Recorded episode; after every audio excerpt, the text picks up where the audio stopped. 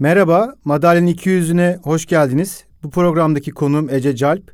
Ece milli triatloncu, çok uzun yıllardır triatlon sporun içinde. Yaşar Üniversitesi İşletme Bölümünden mezun ve aynı zamanda yine aynı bölümden tezli yüksek lisans mezunu. Ve belki hepsinden önemlisi Ece bir anne. Bugün uzun uzun konuşuruz onları da. Formatımıza geri döndüğümüzde ise en üst seviyede ve çok uzun antrenman saatine ihtiyacı olan bir sporu gerçekleştirip beraberinde başarılı bir e- eğitim hayatı geçiren de bir Ece. Uzun uzun konuşacağız ama öncesinde Ece seni dinleyicilerimizin senin ağzından dinlesin isterim. Kendinden bahsedersen çok sevinirim ve elbette kendini anlatırken yüzmeye ve triatlona ne zaman başladın onları da araya anlatmanı, eklemeni isterim. Merhabalar herkese. Ben 30 yaşındayım artık ya. 92 doğumluyum. İzmir'de doğdum ve büyüdüm. 7 yaşında başladı benim aslında spor serüvenim. Ama onun öncesinde bir iki yıllık bir yüzmeye gidenlerin bildiği şekilde başlayayım. Bilmeyenler hikayemiz var. Bilmeyenlere gittim yani yüzmeyi bilmeyenlerin öğrendiği bir kursa. Sadece yazın gidiyordum. Daha sonrasında amcamın madalyalarından etkilenerek bu hikayeyi beni tanıyanların çoğu biliyor aslında. Ama yine tekrar etmek istiyorum. Bizi ilk kez dinleyenler için. Tekrarla sen başka programlarda konuk oldun ama bunları tekrarla bu, bu programında ayrı bir network'ü evet, var. Evet kesinlikle. Madalyalarını gördüm ve hani ben de böyle madalyalar almak istiyorum dediğimde Amcam da annemlere söylemiş demiş işte Alsancak'ta bir havuz var. Oraya yönlendirelim hani gitsin yüzmeyi öğrenir daha sonrasında da belki isterse devam eder. Öyle başladı serüvenim. Ben iki yıl boyunca yüzmeyi öğrenemedim. Bir su korkum oluşmuş ya da olmuş neden olduğunu bilmiyorum. Aa bilmiyordum onu. Aynen bir su korkum olmuş ama inatla annemler götürmeye devam ettiler. Çünkü bizde şey vardır bir şeye başlarsan oraya ona devam edeceksin. Öyle hemen pes etmek yok. Daha sonra yüzmeyi öğrendiğimi artık düşündükleri için beni bir denemeye aldılar. Orada da böyle korku dolu anlara rağmen bir şekilde tamam artık yüzmeyi biliyor bu kız deyip başladım antrenman yapmaya. Bir yaz boyunca normal kursiyer olarak antrenmanlara devam ettim. Yazın sonunda bir gün antrenörüm şey dedi. Sevgi abla hala görüşürüz. Çıkışta annenle bir görüşebilir miyim Ece? Allah bendeki stres. Ne, ne diyecek şimdi? Ne görüşecek? Ece'yi her gün omuza getirmeye devam edebilir misiniz dedi Sevgi abla. Annem tabii kaldı böyle. Zaten haftanın iki günü, üç günü geliyoruz. Her gün nasıl yani? Altı günü mü? Yedi günü mü? Evet deden gerekirse altı gün. O şekilde annem tekrardan tamam yani getiririm. Başladık öyle antrenman yapmaya. Bir on yıl kadar sonrasında sudan çıkmak Yine bilinmeyen bir dönem. Ara sıra annem ve babamın veliler tarafından taşlandığı, dışlandığı bir serüven aslında. Çünkü ben antrenman yapmayı çok seviyorum. Bakıyorum rakiplerime ve diyorum ki hani bu iş sadece antrenmanla oluyor bunu anlıyorum sabahçı olduğum dönemde de öğlenci olduğum dönemde de işte sabah önce mesela antrenmanı yapıyorum. Daha sonra okula gidiyorum. Sonra çıkışta bir yarım saat geç kalacağım ama yine de diyorum ki annemlere beni o antrenmanı da götürün. Çünkü bu işin bu işte olay çift antrenman. Başka türlü olmaz bu olay. Kaç yaşlarındasın burada? Burada 10 yaşında falanım işte. 6. sınıf maksimum. 5-6. sınıf. Evet. Sonra beni götürüyorlar ama veliler sürekli niye getiriyorsunuz? Böyle sabah getiriyorsunuz, akşam getiriyorsunuz. Bu çocuk işte hiç dinlenemiyor. Olmaz böyle iş. Zorluyorsunuz değil mi siz? Annem diyor ki zorlamıyoruz. Bir akşam geldi benim yanıma şey dedi. Ece ben çok üzülüyorum artık dedi. Hani bana çünkü dedi baskı yapıyorlar. Anne dedim merak etme sen dedim biz o baskıyı tolere edeceğiz. Sonra ilk yarışta yine rakibim Zeynep yani hani o da hala görüşüyoruz onunla da inanılmaz bir seviyedeydi o da Türkiye sıralamasında. Biz İzmir genelinde bir yarışmaya katılacağız. Sadece İzmir'de iki kişiler katılacak. O yarışta farklı serilerde yüzmemize rağmen aramda işte 2-3 saniye bir farkla geçildim ben Zeynep'e. Herkes şokta çünkü Zeynep'e yetişilemiyor. O derece bir performansı var. Ertesi gün yan yana yüzdüğümüz başka bir mesafede de bu sefer geçtim onu. ee, tabii yani tüylerim diken diken halen daha. Evet orada olayın gerçekten hani benim için yüzmek yani yüzmek sporun içinde olmak olduğunu o gün anlamıştım zaten. Sonra bir liseye geçiş dönemim var. Orada bir e, yine burhanlı bir dönem çünkü annemler diyor ki Mart'ta Türkiye şampiyonası var oraya gireceksin ve sonra artık son iki ay kala sürekli dershaneye gideceksin. Antrenmanlara sadece haftada iki gün üç gün gideceksin. Şimdi bu benim için imkansıza yakın bir şey çünkü ben 7 gün antrenman yapıyorum. Hatta 3-4 günde çift yapıyorum. Ne demek 3 gün sadece antrenman yapmak? Yani imkansız performansım düşecek diyorum. Sürekli antrenörümle konuşuyorum o esnada. Çıkar yolunu şöyle buldum. Dershanedeki hocalarla konuştum. Dedim ki ben burada zaten siz hani salı günleri ve çarşamba, perşembe günleri işte ben burada olsam da aklım havuzda olacak. Yani izin verin. Bir işbirliği yapalım sizle. Ben o saat dilimlerinde gideyim. Alsancak'taydı zaten dershanemde havuzumda. Gideyim, yüzeyim, antrenman yapayım, geri geleyim. Size söz veriyorum kimse hiçbir şey anlamayacak. Yani hani derslere çalışmaya aynı şekilde devam edeceğim. Puanlarda hiçbir değişiklik olmayacak. Bir ay bir gözlemleyin bu durumu diyor. Hocalar nasıl ya olur mu vesaire falan. Ama bir şekilde ikna ettim. Yani dedim ki ben burada olursam dinlemeyeceğim o dersi çünkü. Ya bir şey biliyorum kurutma makinesiyle mayo kuruttuğumu biliyorum. Neden? Çünkü anlamamaları lazım. Islak mayoyu eve götürürsem nereye asacağım yani? Hani liseye girişten 8. sınıftasın yani anne baba kontrol edecek doğal olarak. Nitekim şöyle bir hikayesi var liseye geçiş sınavının. Ben antrenman yapmaya devam ettim. Sınavların açıklandığı günün gün hatta aynı günde hiç unutmuyorum. Sınavlar sabah açıklandı. Ben İzmir Anadolu Sesi'ni kazanmıştım. O gün 50 metre kurbağa yüzdüm. Türkiye şampiyonu oldum o gün. Süper. Aslında çok, çok, hiç araya girmeden dinliyorum ama keyifliydi. aslında anlattıkların bizim program formatını da direkt vuran cümlelerle anlatıyorsun. Yani biz hep üniversite ve elit spordaki sporla eğitimin nasıl beraber gideceğini konuşuyoruz ama aslında şunu unutuyoruz bu altyapıdan küçük yaşlardan gelen bir süreç. Yani bir insan elit bir sporcu olduysa zaten belli bir yaştan itibaren bu işe profesyonel olarak yapmaya başlamıştır demek. Bu ortaokul yıllarında, lise yıllarında kapsayan bir süreç. Ortaokulda özellikle bütün velilerin zorlandığı, kafasını karıştıran, işte lise, ortaokuldan liseye geçerken o sınav stresi ve genelde çocuklarını spordan o sene için almak. Aynısını üniversiteye giriş sınavında da yaşıyoruz. Ben görevim pozisyonum itibariyle hayatım işte son sene bıraktım diyen sporcuları duymakla ve tanımakla geçiyor. Bu süreci de aslında güzel anlattın ortaokuldan liseye geçiş tarafını. Şimdi üniversiteye doğru gelelim. Çocuğun içindeki biraz tabii da arada şey... triatlona geçişini anlatacaksın Evet. herhalde. Çocuğun içindeki o şeyi keşfedilebileceğini düşünüyorum. Yani artık ben de anneyim ve bu his yavaş yavaş geliyor bana da. Yani neyi yapmak istiyor ya da neyi yapabilir pozisyonunu ebeveynlerin aslında iyi bir şekilde çekmesi lazım. Orada biraz böyle konudan konuya atladım ama doğru öğretmene ya da doğru işte e, okula gönderme kısmından çok belki de orada çekilmesi gereken şey çocuk neyi yapmak istiyor kısmını algılamamız lazım öncelikle. Bakalım bana neler gösterecek hayat yavaş yavaş. Benim annemle babam bu konuda birazcık aslında hem destekler pozisyonda kaldılar hem de biraz böyle köstek alır pozisyonda kaldılar ve tam oradaydılar. Anadolu Sesi'ni kazandıktan sonra ama itiraf etmedim tabii bu arada. Dershanedeki hocalarla aramızda sırdı yani tamamıyla. Ben antrenmanlarla devam ettim. Evet okey ama bir yandan da dershanedeki derslerimi de ihmal etmemiştim. Çünkü biliyorum ki eğer Anadolu Sesi'ni kazanamazsam bu sefer başka türlü yaptırımlar gelecek. Böyle bir stres de vardı. Sonrasında üniversite sınavına geçmeden önce ama anlaşma netti. Dedim ki bu sefer lütfen bana inanın. Ben dedim bu işi birlikte götüreceğim. Ama şöyle buhranlı bir dönem oldu. Artık İzmir'de yüzme bitmek üzereydi. Yani havuz problemlerimiz hala devam eden, işte antrenör problemlerimiz. Dedim ki yani ben ya İstanbul'a gideceğim ya Amerika'ya gideceğim. Bu iş burada olmaz. Çok yanaşmadılar ikisine de. Burada kalmam taraftarıydılar. İyi ki de kaldın. Evet öyle, öyle olunca ben dedim ki o zaman dedim bu spora devam etmeyeceğim. Bu sporu değiştireceğim. Şimdiki eşim o zaman erkek arkadaşımdı. Ya Ece dedi artık dedi niye inat ediyorsun ki? Bak bu kadar dayanıklılığının yüksek olduğunu söylüyorlar sürekli sana. Bence de triatlon tam senin senin için senin sana göre bir spor. Onur o zaman triatlon yapıyor muydu? Yapıyor. Yapıyordu. O yapıyor 2-3 yıldır yapıyor. Ben de bu arada yarışlara gidiyorum, izliyorum, bir nebze böyle yakınlaşıyorum ama hala çekimserim. Çünkü bambaşka bir alan ve bu sırada yüzme de çok pikteyim. Yani hani bir anda bambaşka bir yere geçiş yapmak insanı korkutuyor doğal olarak. Olabilir aslında ya dedim. Bir de beni şeyden vurdu. Ya bak dedi gideriz dedi, gezeriz dedi. Hep dedi sahil kasabaları, yerleri birlikte vakit geçiririz falan. Dedim mantıklı ya. O zaman çünkü babam çok sert yani hani kesinlikle görüşmeler etmelerle ilgili. Sonra tamam triatlona başlayalım. Nasıl başlayacağız bu triatlona biz? Okey zaten yüzüyorum sıkıntı yok. Bir bisiklet alman lazım dedi. Ne? Ya araya giriyorum da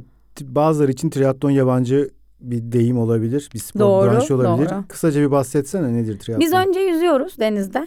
ne kadar Ee, kilometre, nerede? Eğer sprint mesafe ise 750, olimpik mesafe ise 1500 metre. Bunun bir tık daha üstü var. Ironman dediğimiz half Ironman'ler. 1900 metre. Onun daha da üstü 3900 metre, 3800 metre. Yüzüyoruz, denizden çıkıyoruz. Bisikletlerimiz hazır halde değişim alanında duruyor. Eğer yine sprint ise 20 kilometre bisiklet sürüyoruz bir parkurda. Olimpik ise 40 kilometre. Eğer Ironman ise 90 kilometre. Full Ironman ise 180 kilometre sürüyoruz bisiklete. Bisikleti bırakıyoruz. Koşu ayakkabılarımız yine değişim alanında oluyor. Onları geçiriyoruz. Bu sefer de yine belirlenen parkurda eğer sprint ise 5 kilometre koşuyoruz. Olimpikse 10 kilometre, Half Ironman ise 21, full ise 42 kilometre koşuyoruz. Tagın altından geçiyoruz finişten. Yarışma böyle Ne bitiyor. kadar kolay anlatıyorsun. Değil mi? Evet. ya bu Ironman için nedir genel? 42 kilometre koşuyorsun. Bisiklet kaçtı? 180, 180. yüzme. 3800 yüzme. Half Ironman de Vay. bunun yarısı hep. Yarım yarım iniyor hepsinden Deli, mesafeler. deli işi ya. Biraz öyle. Normal bir Gerçekten insanın, biraz yani öyle. aklı yerinde olan bir insanın yapacağı Kendini değil. çok kapatmakla, beynini kapatmakla alakalı bir spor bence biraz da. Bisiklet öncesinde bisiklet lazım dedi. Bisikletim yok çünkü benim yani. Dedim tamam bisiklet lazımsa alalım o zaman. Nasıl alacağız? Dedi ki o zamanın parasıyla 1500 TL'lerden bahsediyor. Ne? Dedi ki ben bunu babama hayatta söyleyemem dedim Onur. Yani ben bisiklet istiyorum 1500 lira diyeceğim. Olmaz yani. Dedim başka türlü de olmaz ama başkalarının O bisikleti pembe ne? bisiklet mi? Aa, O değil. o, Ondan o önceki. sonrası Evet. evet. Ondan önceki. Onun da her şeyini pembe yapmıştım. Sargısı vesairesi böyle yavaş yavaş hep bir pembeye olan o düşkünlüğümden. Neyse dedim tamam söyleyeceğim bir şekilde bir akşam böyle nasıl ama karnıma nasıl ağrılar giriyor. Yani kesin diyorum tepki verecek. Yani artık Ece öyle şey de olur mu? Dedim baba 1500 liraymış bisiklet. Dedim başkasının bisikletiyle yarışırsam da olmazmış yani. Bak dedim mantıken dedim bizim bunu almamız lazım. Sana dedim söz veriyorum dedim ben bunu bir şekilde dedim sana geriye ödeyeceğim. Tamam dedim. Bu arada bisikletin değeri de 1500 lira değilmiş. Sonradan söylüyor Onur. Onur o zaman işte çok fazla bisiklet parçası da alıp satıyor. Bisikletle de çok ilgili. Normalde bisikletin fiyatı da 2500 lira. 1500 lira bana diyor. Aradaki farkı o kapatıyor bir şekilde falan. Öyle şeyler yapmış. Diyorum ki bana niye söylemedin bunları? Ondan sonra e, okey aldık bisikleti de. Başladım ben antrenmanlara bayağı. İlk antrenman bisiklete çıktık birlikte. Bizi polisler mi durdurmadı? Siz yolda sürüyorsunuz. Ben dedim Onur'a bitti benim için triatlon dedim. Adam dedim bizi durdurdu ya dedim yolda bisiklet sürüyoruz diye. Sonra kaç kere öyle durduruldum. Kaç ne cezalar yedim yani otoyollarda tek Ceza? başıma. Tabii tabii. Ceza mı yedin? Yani otobanda yani çünkü mesela Çiğli'den e, Sasalı'ya doğru giderken otobandan geçtiğimiz bir, bir kilometrelik iki kilometrelik bir mesafe var. Orada eğer otoban polisine yakalanırsanız ceza yiyorsunuz. Çünkü bisikletin otobana girmesi Yasak yasak, doğal olarak. Bilmiyordum. Evet. Maalesef Hiç böyle Ondan görmüyorum. ilk demek ki. otoban girişlerinde böyle hani dört tane böyle yuvarlak var ya bunlar giremez diye. İşte Hı. at arabası, bisiklet aslında onlardan biri ama sonuçta biz onu göre göre ya o mesafeyi Keşke oradan aynı hassasiyet bisiklet yollarına giden Keşke, arabalar içinde gösterilse. Keşke. Ama yavaş yavaş oluyor ya. Evet. Sonra peki Yaşar Üniversitesi maceram nasıl oldu? Ona da bir gireyim birazcık. Sınava hazırlanırken triatlon yapmaya başlamıştım. Sınavın sonucu açıklandığında triyat, ilk kez triatlon milli takım kampına seçildim kamptayım. Annemlere diyorum ki şu şu şu diyorum şeyleri yazın tercihleri yazın.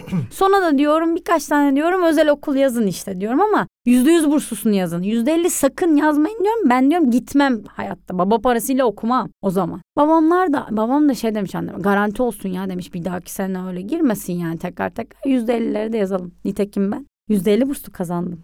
O günü hayatım boyunca unutamam. Nasıl ağlıyorum? Okumayacağım diyorum. Ben diyorum bir dahaki sene tekrardan gireceğim. Ben diyorum hayatta baba parasıyla okumam. Babam diyor ki bak kızım şehir dışında bir yer kazansaydın yine aynı parayı daha fazlasını harcayacağız zaten. Niye böyle düşünüyorsun? Var, o zaman için yani varlık içinde yokluk gibi böyle kendimi böyle bir lanse etmişim kendime. Böyle değişik bir hisse girmişim herhalde. Diyorum tamam o zaman dedim kabul ettim en sonunda. Ama dedim bir yıl sonunda dedim ben bu bursu dedim yüzde yüz yapamazsam eğer dedim. Çünkü araştırdığım spor bursları falan var Yaşar Üniversitesi'nin. Bir şekilde dedim bulacağım yani. Bir yolunu bulup o bursu alacağım. Burs yapama yüzde yüz burslu olamazsam dedim bırakacağım dedim okulu yine sınava gireceğim. İyi tamam diyorlar beni böyle eğiliyorlar bir şekilde. Ben başladım okula. E, Alsancak kampüsündeyiz. Buradaki kampüsten bağımsız. Orada biz hiçbir şey görmüyoruz ki. Kimseyle bağlantıya geçemiyoruz. Ya diyorum verilerini bulmam lazım. Yani birileriyle bağlantıya geçmem lazım bir an önce benim. Üç ay geçti, dört ay geçti. Hala bir bağlantı bulamıyorum burayla. Sonra bir arkadaşım vasıtasıyla dediler ki biri var. O biriyle bağlantıya geçmen lazım. O biriyle bağlantıya geçersen burs olayını dedi, dediler onunla konuşabilirsin. Kim o biri arkadaşlar? Taylan Dündar. Tamam bağlantıya geçeceğim ben onunla. Mailleşmiş miydik konuşmuş muyduk? Orayı net hatırlaş, hatırlamıyorum açıkçası. Sadece ben de hatırlamıyorum ama nerede buluştuğumuzu hatırlıyorum. Hatta sen şimdi kampüse geldiğinde yine aynı yerde denk geldik. Aynı yerde buluştuk. Kütüphane önünde seninle tanışmıştık. Buraya bir gelmiştim. Burası nasıl bir yer ya? Yani biz orada çünkü çok küçük bir alanda üniversiteye geçtiğimizi zannediyoruz. Aslında lise 5'i okuyormuşuz orada biz yani. Ben buraya Evet, gelince doğru, doğru, şaşırmıştım. Tanışınca kendimi biraz ifade etmeye çalışınca. yani hani sen sağ ol. Yok, estağfurullah bir yani okul şekilde- olarak hak ettiğin spor bursunu da sana sağlamış olduk. Ondan sonraki eğitim hayatında, öğretim hayatında Evet yani. spor bursuyla tamamladın. Sonra zaten Fazlasıyla da biz karşılığını aldık. Onu da söyleyeyim. sonrasında iyi ki o gün babamlar yüzde elli burslu yazmışlar ve iyi ki ben inat etmeyip gelmişim. Yani hayatımdaki gerçekten çok çok önemli bir dönüm noktasıdır benim için Yaşar Üniversitesi. Hala böyle tüylerim diken diken olur. Böyle gözlerim dola dola anlatırım yani anne. Çünkü bu kadar desteği başka bir üniversitede kuvvetle muhtemelen göremezdim yani hani. Evet okey ben de elimden geleni onlar için yaptım ama hani onların da bana destekleri, bana güvenleri hiçbir zaman eksilmedi Ya açıkçası. sizin motivasyon tarafınızdan da biraz bahsederiz. Ben mesela elinden geleni yaptın derken aklıma geldi o. Direkt araya da girdim. Akdeniz Üniversitesi'nin Antalya'daki yarışta ya seninle konuşuyorum cevap vermiyorsun. Yani Ece, Ece diyorum yok böyle kitlenmişsin yani nasıl bir çünkü, hazırlık o evet. motivasyon. O gün birinci gelmiştin. O İpek'ten önceki yarıştı. İpek de sonra aramıza Evet. katılmıştı. Onunla da e, iyi yani iki Yaşar Üniversitesi'nin öğrencisi güzel rekabet Evet. ettiniz kendi aranızda. Biraz şimdi oraya da gelelim. Yani Yaşar Üniversitesi'nde neler kazandın? Sen orada bir Balkan şampiyonluğun var. Bu bir kazan var. Ondan da bahsetmeni isterim. O bir, senin için Hı. önemli bir dönüm noktası herhalde olimpiyat yolunda. Ee, öbür taraftan tabii bunları konuşurken de eğitim yani sonuçta bir üniversite eğitimi liseye ve ortaokula benzemiyor tabii ki. Ve en üst seviyede elit olarak bir milli sporcu olarak bunu yapıyorsun. Zirvedesin ama okulu da bir şekilde devam etmek zorundasın. Yani demin branşları saydın. Üç ayrı spor branşına hitap eden bir triatloncusun. Ve senin antrenman saatlerin öyle herhangi bir spor branşındakilerden çok daha fazla. Nasıl yaptın, nasıl becerdin bunu? Yani e, bu kadar yoğun bir antrenman programı ve bu yoğun bir eğitim hayatını beraber nasıl götürdün? Şimdi okuyan arkadaşlar da dinliyordur muhtemelen. Ders programlarının açıklandığı haftalar benim için tam bir kaos. Çünkü antrenmanlara göre ben ders seçiyorum. Millet derse göre ders yani dersin hocasına ya da derse göre dersin saatine göre ders seçerken ben antrenman saatine göre ders seçmeyi planlıyordum hep. Yani o yüzden mesela birçok alamadığım ya da almakta zorlandığım, kıt kanaat yetiştiğim ya da işte çıkmak zorunda kaldığım hocalarla işte ya hocam işte bir yarım saat erken çıksam, bir 15 dakika erken çıksam. Ya benim ne hikayelerim var bununla ilgili. Hoca iptal edecek dersi. Hocam iptal etmeyin haftaya ben yokum. Bu dersi bu hafta yapmanız lazım. Kampa gideceğiz. Diyorum ki çünkü diyorum sonraki geldiğim haftada sınav var. Yani benim bu dersi bu hafta dinlemem lazım. Kız çocuklar bağırınıp çağırıyorlar diyorlar ya Ece hoca dersi yapmayalım diyor. Sen neden bahsediyorsun? Bir tane öyle bir dersimizde şey yapmıştım var. Dedim ki hocam dedim bakın dedim, bana güveniyorsanız dedim. Bu dersi bana dedim anlatın 15-20 dakika. Bu dersi anlatılmış sayın. Ben dedim herkese anlatacağım size söz veriyorum dedim. Bu dersin dedim içeriğini herkes öğrenmiş olacak. Herkes o şekilde bir organize ettim. Yine yine bir organizasyon var yani. Çünkü yok yani gideceğim. Yokum. Bir de ben dersi derste öğrenen bir tipim. Hani bana anlatılmazsa ben o dersi kesinlikle öğrenemeyeceğim yani. Öğretmenlerim açısından gerçekten çok şanslıydım. Hani herkes bana o konuda çok destek oldu. Full destektiler. Ece dedim ya da işte Ece geç kaldı mı bil ki antrenmandan geç kalıyordur. Kafasında beresiyle ıslak saçıyla içeriye giriyordur hocam pardon diye. Birkaç kere böyle bisiklet antrenmanından gelmişliğim. Şimdi güvenliğe bisikleti bırakacağım. Kaos var orada şimdi bakamayız edemeyiz durumları oluyor falan böyle. Kitle diyorlar kilit yok zaten bizde öyle bir şey yok. Hocayı arayıp hocam ben aşağıdayım ama gelemiyorum yukarı çünkü şey. E, Benim odaya bisikleti- bırakmışlığım var birkaç kere Eh? hatırlıyorum. Hatta geçen fotoğrafını gördüm öyle Ben bakarken. bisikletimi alamıyorum yani almam lazım bisikletimi. Çünkü saati ona göre ayarladım ben antrenmana gel antrenmandan geldim. İşte Ece tamam okey çıkart yukarı. Nasıl? E, güvenlik nasıl? Tamam ver telefonu. E, getirsin Ece yukarıya bisikleti. Ben yukarı bisikleti senin odana bisikleti spor salonuna bisikleti yani hani Ece'yi öyle bilimum şeylerde görebilirdiniz. Genelde spor eş- eşyalarıyla kampüsün içerisinde böyle. Ama Peki nasıl derslere yaptın olan... yani evet yani onu anlatsana yani nasıl başarılı oldun derslerde de çünkü ders de zor. Ya- Çok zor bir branştasın spor olarak. çok büyük bir tutku. Çünkü yani spor çok büyük bir tutku olunca ders çalıştığın esnalarda böyle hani seni motive eden şey o dersi yaptıktan sonra antrenman yapacak olman. Ya da o dersi geçtiğin zaman yazın okula gelmeyeceğin için rahat antrenman yapabilecek olman gibi gibi şeyler böyle. Hep böyle kendimi motive edecek bununla ilgili şeyler buldum. İşletme kısmında böyle hani o bölümü seçmekteki şeyim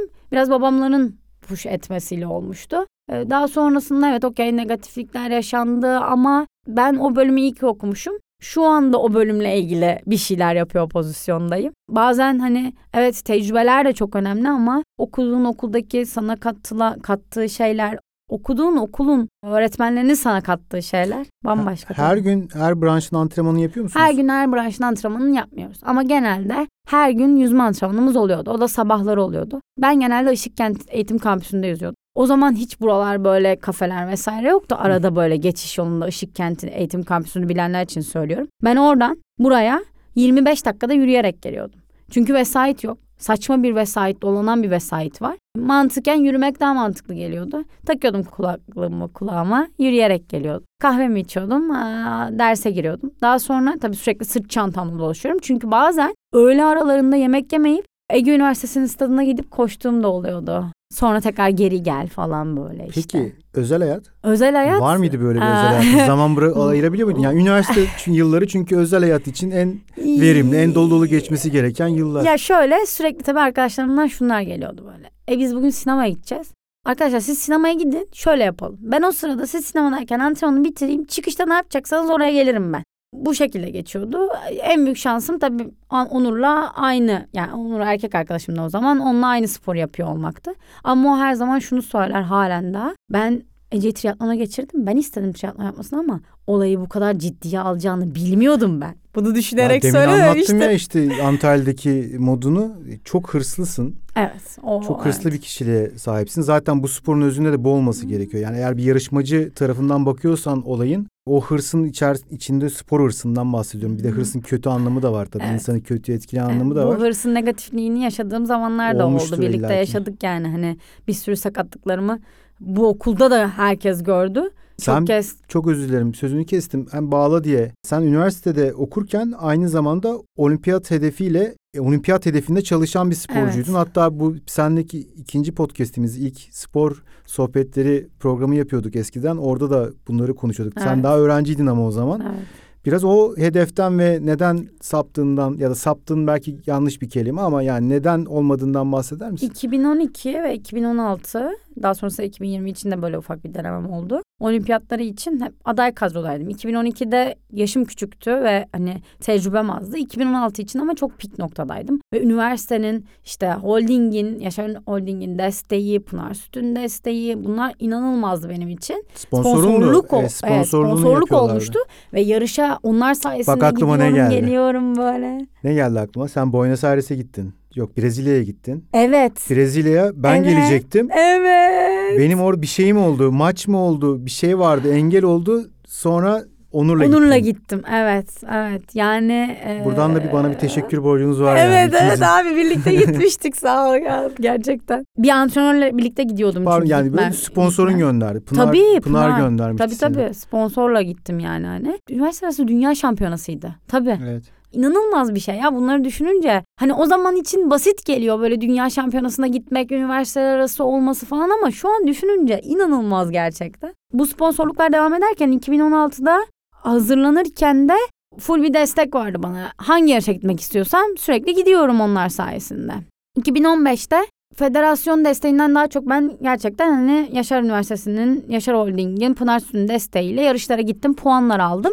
Ve Ha, Avrupa onu- oyunları var. Şöyle bir şey hatırlıyorum. Çünkü senin olimpiyata gitmen için böyle uluslararası yarışlara gidip puan alman gerekiyor? Evet. O sistemi de bir anlatsana ufak. Evet, şöyle Avrupa'da ve dünyada farklı yarışlara giderek puanlar topluyorsunuz ve totalde ilk 45 içerisine dünyada girmeniz gerekiyor ya da bir white card uygulaması vardı o zaman için belki şu an kural değişmiştir. Daha önce hiç triatlonda giden bir sporcusu olmayan ülkeyseniz eğer ve ilk 3 sırada adınız yazılı olursa o sıralamada white card'la olimpiyata gidebiliyorsunuz. Bizim hedefimiz de buydu. Bir an önce hani şu anda hiç triatlondan daha da yok zaten. Türkiye'den giden olmadığı için bu kartla gidebilmekti. Bunun için çabalıyoruz. Bunun için puan toplamak için uğraşıyoruz. 2015'te artık zirvedeyim. Yani hani performansım konusunda hiç şüphem yok ama üniversitede de son senem bu arada. İki tane bir buçuk aylık iki dönem İtalya'da kamp geçirdim. Bu arada okul devam ediyor yani ve son sene ve son sınavlarım artık. Şöyle bir şey var. İtalya'daki son kamptan geleceğim. Bir hafta sonra Avrupa oyunlarına Bakü'ye yarışa gideceğiz. Ve bu Avrupa oyunları inanılmaz önemli. Olimpiyat öncesi çok önemli bir puanın alınacağı bir yer benim için. Performansım çok iyi gidiyor. Evet. Geldim Burada bir hafta sınavlara gireceğim ve gideceğim. Hatırlıyorum o süreci evet. Sonra Sınav, Bakü'ye gittin. sınavlara girdim. Her şey çok yolunda. Sonra Bakü'ye gittim. Bakü'de de çok iyi bir sıralamada yüzmeden çıktım. Tamam dedim ya. Tamam yani bisiklette o grubun içerisinde kalırsam inanılmaz bir puan gelecek. Bisiklette o gruptan indim. Dedim bitti. Artık burada zaten bu indiğim grupta beni geçebilecek adam yok. Ben dedim burada ilk 30'un içerisinde bitireceğim ve o çok istediğim çok önemli o puanı alacağım. Yarışın son 2 kilometresinde kalçamda bir ağrı hissetmeye başladım ama dedim geçer yani hani ağrı bu olur. Daha sonra o ağrı batmaya döndü. Yürüyerek de olsa bitirirsin Ece ya kalmış şurada bir buçuk kilometre ne olacak ki? Son bir kilometre kala ayağım tutmadı. Bir kere yere düştüm kalktım. Ya bir şey var ya dedim yürüyerek bir deneyelim bakalım bir daha. Bir daha düştüm. Üçüncüyü düşünce dedim ki bu işte bir başka bir şey var. Orada Mustafa Şirin hiç unutmuyorum o anları. e, Türk hakem. Onu bir an önce hemen getirmişler yanıma. Çünkü o sırada İngilizce konuşmaya çalışıyorum ve diyorum ki hakemlere. Bana diyorum yardım ederseniz. Burada bir şey çıktı hissediyorum o kalçada. Onu takarsam bitireceğim ben yarışı. Bu arada sen böyle anlatıyorsun abi. Sen ben mayo ve düştükten sonra yırtık yaralarını görmüştüm. Böyle çok kısa anlatıyorsun ama aslında ciddi düşmeler geçirdin. Evet. Ondan sonra Mustafa geldi yanıma. Ece dedi yani hani kimse yardım edebilir pozisyonda değil. Yani edemez biliyorsun hani kural dışı. Ama dedi, devam edebilecek misin? Dedim ki Mustafa edemeyeceğim. İnanılmaz bir ağrım var ve olmuyor yani yürüyemiyorum bile kalkamıyorum bile. Beni götürdüler. O gece köye gittik Avrupa oyunlarına böyle yine aynı olimpiyat gibi bir e, olimpiyat köyünün içerisinde kalıyorsunuz. Atmosfer yani aynı gibi. inanılmaz bir atmosfer. Açılışa katıldık. Benim için zaten hani yaşadığım, zaten spor kariyerimde yaşadığım en güzel anlardan biriydi. En kötü anım olmasına rağmen. Evet. Bir gece boyunca bana friksiyonlu masajlar, enjeksiyonlar. Bunlar çok acılı şeyler. Yani ben artık böyle çünkü bir hafta sonraki diyorum ki bu yarış bitti tamam okey. Ama bir hafta sonra başka bir yarışım var ve oradan da puan alabilirim. Ağzıma böyle e, havlu tıkıyorum yeter ki geçsin. Ee, biz zannediyoruz ki bir kasılma var. Ben öyle anlatıyorum, lanse ediyorum. Ama Ama ertesi gün sabah bir kalktım tuvalete gidemiyorum. Emekleyerek tuvalete gittim. Dedim aradım doktorları. Dedim ki beni doktora yani hastaneye götürün. Hastaneye götürdüler. Önce bir röntgen. Zaten röntgende çıkmış direkt. Ondan sonra bir MR. MR'da 15 dakika boyunca duramadım bile zaten. Belime inanılmaz bir ağrı vuruyor. Çünkü dümdüz durmanız gerektiği için. Çıktım. Doktor geldi İngilizce şey diyor. Burada ameliyat olman gerek. Ameliyat olacaksın diyor. Dedim. Benim ya İngilizcem yetmiyor ya da dedim bu ne diyor yani bu adam ne ameliyatından bahsediyor. O sırada tabii hemen Onur'u aradım. O buradaki doktorum Can Koşay Can abiyi aradı. Can abi beni aradı. Ece dedi ben de MR görüntülerini gördüm. Orada ameliyat olacaksın merak etme. Gata'dan doktor gelecek seni orada ameliyat edecek. Can abi ne diyorsun dedim ya ben geleyim oraya sen bak sen et. Ben geleyim bir an önce oraya. Ece dedi zaman kaybediyoruz. Bu ameliyatın şöyle bir neydi riski var. problem? Kalça kemiğim, femur başım kırılmış. Yani eee, ufak ufak stres kırıkları oluyormuş. Ben ama beynim artık vücuduma o kadar hükmetmiş ki bu antrenman periyodunda. Oradaki ağrıları fark edemiyormuşum. Eee, ve artık son seviyede bir yerden çıt diye kırılmış yani hani. Burada tabii şeyler de devreye giriyor. Geliyorsun kamptan, sınava girmek durumundasın, eşya hazırlamak durumundasın, hızlı hareket etmek ve hala antrenman yapmaya da devam etmek zorundasın bu süre zarfında. Burada bir dinlenme vesaire hani böyle muhtemelen o dengeyi sağlayamadım ben. Daha sonrasında kırılınca ameliyata girmeden önce de şöyle bir şey oldu. Ben doktora sürekli şey diyorum. Ben yarışmaya devam edeceğim. Ne kadar sürede toplarım? Ben ne zaman geri döneceğim? Bunları söylüyorum. Doktor artık o kadar dolmuş ki şey dedi en son bana. Ece ben sana şimdi bir şey anlatacağım dedi. 48. saatteyiz ve artık dedi ameliyata girmemiz lazım. Çünkü dedi bu ameliyatta dedi 48 saatten sonra yapınca dedi değil koşmak yürümek de dedi sekerek yürüme, yürüyebiliyor insanlar dedi. Nasıl ya? Hemen Ben- yap. Ben yani yarışmaktan bahsediyorum. Neyse girmişiz yani ameliyata. Sonra benim normalde kapalı bir ameliyat olacaktı. Artık adamı o kadar strese sokmuşum ki açık ameliyat yapmış ki hani tam montaj monte edebilsin kemiği birbirine. Çünkü parçalı bir kırık olmuş bir gece önce işte böyle sürekli böyle friksiyonlu masajlar vesaire olunca. Üç tane çiviyle biz bir hafta tesadüfen o yarışa annem ve antrenörüm de gelmişti. Annemle birlikte orada kaldık. Bir hafta sonrasında beni özel sedyeyle uçakta özel yer ayarlayarak falan Türkiye'ye getirdiler. Sonraki süreç e, zaten klasik Ece süreci aslında. Evet. Evet, okey yıkıldık ama yine de ayaktayız. Tekrar geri döneriz. 9 ay sonra yarışıyor pozisyondaydım tekrardan. Yarıştığın pozisyondan devam edelim. Orada da biraz süreç içerisinde sonra evlendin. Şimdi bir annesin. Evet. Biraz oraya bağla. Sonra aktif spor hayatını herhalde artık sonlandırdın. Ya da bazen görüyorum yarışıyorsun, bir şeyler yapıyorsun ama biraz onlardan bahset ve işte en sonda herhalde antrenörlüğe başladın, değil mi? Nasıl Evet. gidiyor? Önce annelikten bahset. Nasıl bir duygu anne olmak? Yani Önce- böyle üst seviye bir sporcunun anne olması nasıl bir duygu? Şu açıdan soruyorum. Yani hem aynı anda antrenmanlara devam ediyorsun. Hamilelik sürecinde de antrenman yapıyordun hatırlıyorum. Neler değişti hayatında? Ya şu an hani böyle dinleyenler de diyor manyak mı bu kız ne antrenmanı? Ya an- ben antrenman yapmayı çok seviyorum. Beni tanıyanların bildiği en önemli şey o. Antrenman yapmayı Ece çok sever. Antrenman yapmayı, yarışmayı sevdiğim için bunlara sağlık dışı hiçbir şeyin engel olamayacağını düşünüyorum. Böyle olduğu için de hep bir motivasyonum var antrenman kısmı ile ilgili. Ee, evlendim. Onur zaten full destek halen. Aa hani okey antrenman yapmak istiyorsan antrenman yapmaya devam et. Yani düşünsenize hani sabah 5'te çıkıyorsunuz gidiyorsunuz havuza. Nereye gittiğinizi biliyor kocanız ama yani gidiyorsunuz siz yanından kalkıp gidiyorsunuz yani. Sabah kendi kalkıyor işe gidiyor falan ben geliyorum ondan sonra eve. Hani değişik hayatlar aslında bakıldığında. Bir şekilde yarışmaya da devam ettim o süreçte. Sonrasında pandemi. Pandemiden önce de bir bisiklet mağazası açma fikri vardı Onur'un. Onur yıllardır zaten bir bisiklet mağazasını işletiyordu. Ama artık Karşıyaka tarafına gelmek istiyor. Karşıyaka'da olmak istiyor. Daha eve yakın olmak istiyordu. Dedi bana eşlik eder misin ya dedi. Hani birlikte yapalım biz bu işi. Dedim neden olmasın? Ben de seviyorum çünkü bu şekilde. Ama dedim hani çok desteklemen lazım beni. Çünkü ben antrenman yapmaya da devam etmek istiyorum. Ama dedim sana da yardım etmek istiyorum. Tamam dedi.